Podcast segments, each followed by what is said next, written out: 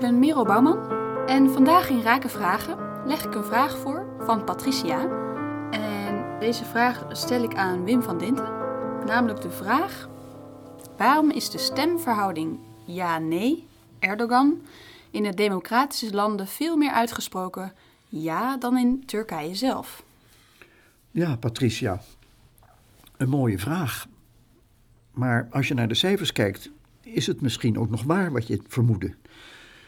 45% van de hier levende Turken heeft gestemd en daarvan heeft 70% voor Erdogan gestemd en 30% niet. En die andere 55% die niet gestemd heeft, daarvan weet je niet waar ze precies uithangen. Dus eh, stel dat die allemaal tegen Erdogan zouden hebben gestemd, stel, dan moet je grofweg de cijfers halveren, dan zou maar 35% voor Erdogan hebben gestemd van het totaal. Nou is dan dat natuurlijk de vraag, maar ik denk dat als je naar jouw vraag kijkt, je het vermoeden mag hebben, of zult hebben, dat degenen die niet gestemd hebben hier zich thuis voelen, meer thuis voelen, meer Nederlander voelen wellicht, dan dat ze Turk zijn. En dan is jouw stelling dat het in de democratische landen um, een lager percentage geeft dan in Turkije. Waar? Want je zit dan dik onder die 52% die in Turkije zou zijn opgetreden. Tegelijkertijd zit er onder de vraag nog iets heel anders. Althans, dat zou kunnen. Namelijk dat je daarmee ook eh, zegt dat degenen die op Erdogan gestemd hebben eigenlijk nog niet geïntegreerd zijn of dat die nog niet passen in ons stelsel of dat die eh, de democratie minder waarderen. Dat gaat mij eigenlijk wel een beetje te ver.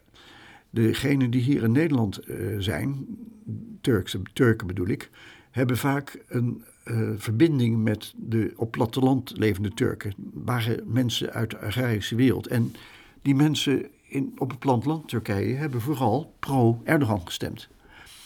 Dat ligt wel een beetje voor de hand, want uh, Erdogan leeft van sociale samenhang. Hij wil dat zijn bevolking hem op, op handen draagt en hij is er voor de bevolking. En dat past ook bij zo'n islamitische manier van geloofsbeleiden. Tegelijkertijd uh, is het zo dat als je familie hebt en je leeft in een sociale betekenisgeving, dan kun je heel erg moeilijk de vraag van je familie weigeren om op Erdogan te stemmen. Je stemt niet zozeer op Erdogan omdat je wilt dat je op Erdogan stemt, maar je stemt op Erdogan omdat je familie daarom gevraagd heeft. Dat kun je dom noemen of uh, niet zelfstandig of niet assertief of niet rationeel. Maar zo ziet het er wel uit voor mensen die een hele grote sociale verbinding met elkaar hebben. Dat wil helemaal niet zeggen dat ze zich dan minder Nederlander voelen, want ze zijn hier thuis. En ze voelen zich ook thuis. Dat wil ook niet zeggen dat ze de Nederlandse waarden niet onderschrijven.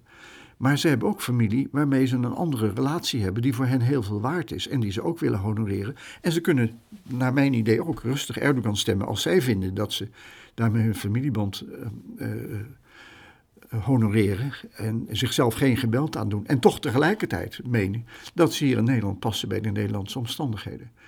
En je ziet dan ook dat nu bij die uitslagen en de cijfers heel veel mensen de vraag oproepen of de integratie wel gelukt is. Ik begin daar me een tikkeltje aan te ergeren. Het wordt toch wel treurig als wij een samenleving zouden hebben waarin mensen die zo in de wereld staan als ik geschetst heb, omdat ze op Erdogan gestemd hebben, uitgemaakt worden als niet geïntegreerd. In België zie je dat ook. Die moeten maar vertrekken, zegt de burgemeester van Antwerpen, las ik ergens op een, uh, op een site. Dan is het wel heel droevig gesteld met onze samenleving. Dan betekent het dat als je uit de andere cultuur uh, komt en daar ook waarden in erkent en respecteert, naast die welke je in Nederland hebt, dat je dan hier niet meer zou passen. Zo'n samenleving is geen goede samenleving. Dat is een, een dorre woestijn waarin bepaalde meningen wel mogen en andere meningen niet. Dat heeft ook niets meer te maken met vrijheid van meningsuiting, heeft niks meer te maken met democratie. Laat staan met de rijkdom die je krijgt door de bijdrage van mensen uit andere culturen. Nou zal je dat wel niet bedoeld hebben, Patricia, maar ik kan het niet helpen dat ik onder die vraag toch dat uitstapje naar integratie moest maken.